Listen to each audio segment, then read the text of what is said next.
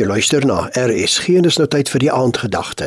Dit word vanaand aangebied deur pastoor Willie Prinsloo van Sannieshof Christen Gemeente. In Genesis 22 lees ons hoe God vir Abraham vra om sy seun Isak op Moria te gaan offer.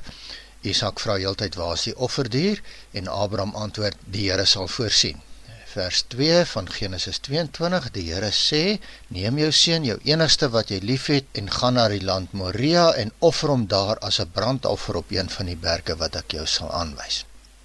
Nou van hierdie hele verhaal word daar gesê dat Abraham so sterk geloof gehad het dat hy geglo het dat die Here vir Isak uit die dood kan opwek al het hy hom doodgemaak. Hebreërs 11 vers 17 sê vir ons dit want hy het gereken dat God mag het om selfs uit die dode op te wek vers 18 van Hebreërs 11 nou waarom moet ons weet van Abraham se geloof?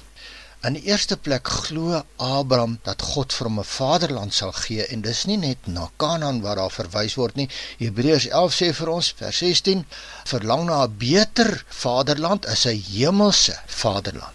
En daarom is dit 'n kenmerk van gelowige dat hy verlang na 'n ewige vaderland In die tweede plek, Abraham slaag die toetse wat God vir hom stel.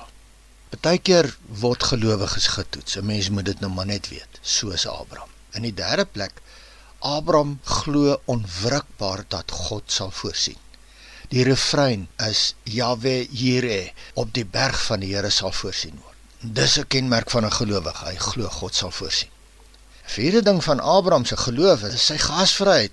Genesis 18 net nadat hy besny is op 99 jaar oud. Hebreërs 13 sê moenie die gasvryheid vergeet nie want Abraham het selfs engele as gaste geherberg. In die vyfde plek, 'n kenmerk van Abraham se geloof, hy koop vir Sara 'n graf in die vreemde as 'n profetiese aksie. Genesis 23. Genesis 14 vertel vir ons hoe dat die konings van Sodom en Gomorra vir Lot en sy familie wegvoer as kruisgevangenes en Abraham gaan bevry hom en hy veg vir sy familie. Hy help sy familie fisies om hulle uit die gevangenskap te kry. Abraham tree ook as 'n bemiddelaar op vir Sodom en Gomorra in Genesis 18. Dis 'n kenmerk van gelowiges. Hulle wil siele red. Abraham slaag God se toets. En nou vra ek vir u Hoeveel broers het Abraham gehad? Daar staan in Genesis 11, een van sy broers se naam was Haran met die seun se naam Lot. Lot was die broerskind van Abraham. Maar ons lees in Genesis 22, die heel laaste klomp verse staan hier 'n wonderlike ding. Daar staan vers 20: Na hierdie dinge, nadat hy nou die toets geslaag het om vir Isak op die berg te gaan offer, gehoorsaam Na hierdie dinge het hulle aan Abraham berig gebring en gesê: "Kyk, Milka het ook vir jou broer Nahor seuns gebaar. Is sy eersgeborene, en Bus sy broer en Kemiel, vader van Aram, Keset en Haso en Pildas en Jitlaf en Betuel. En Betuel was die vader van Rebekka. Hierdie agt het Milka vir Nahor, die broer van Abraham gebaar. Abraham slag die toets en weet jy wat? Sy boetie in die verre land van Ur van die Galdeërs was waarskynlik ook kinderloos. En hulle bring vir Abraham berig: "Jou boetie het nou ook kinders."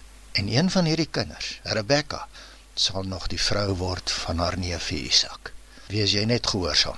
God sal voorsien. Kom ons bid. Here, dankie dat U sal voorsien in al ons behoeftes. Ons kan dit maar net voor U lê en ons glo dat U mag het om ook uit die dood op te wek in Jesus se naam. Die drie enige God sien jou raak. Hy's lief vir jou. Hy gee werklik om en hy wil jou seën. Die aandgedagte hier op RSG is vanaand aangebied deur pastoor Willie Prinsloo van Sannieshof Christen Gemeente.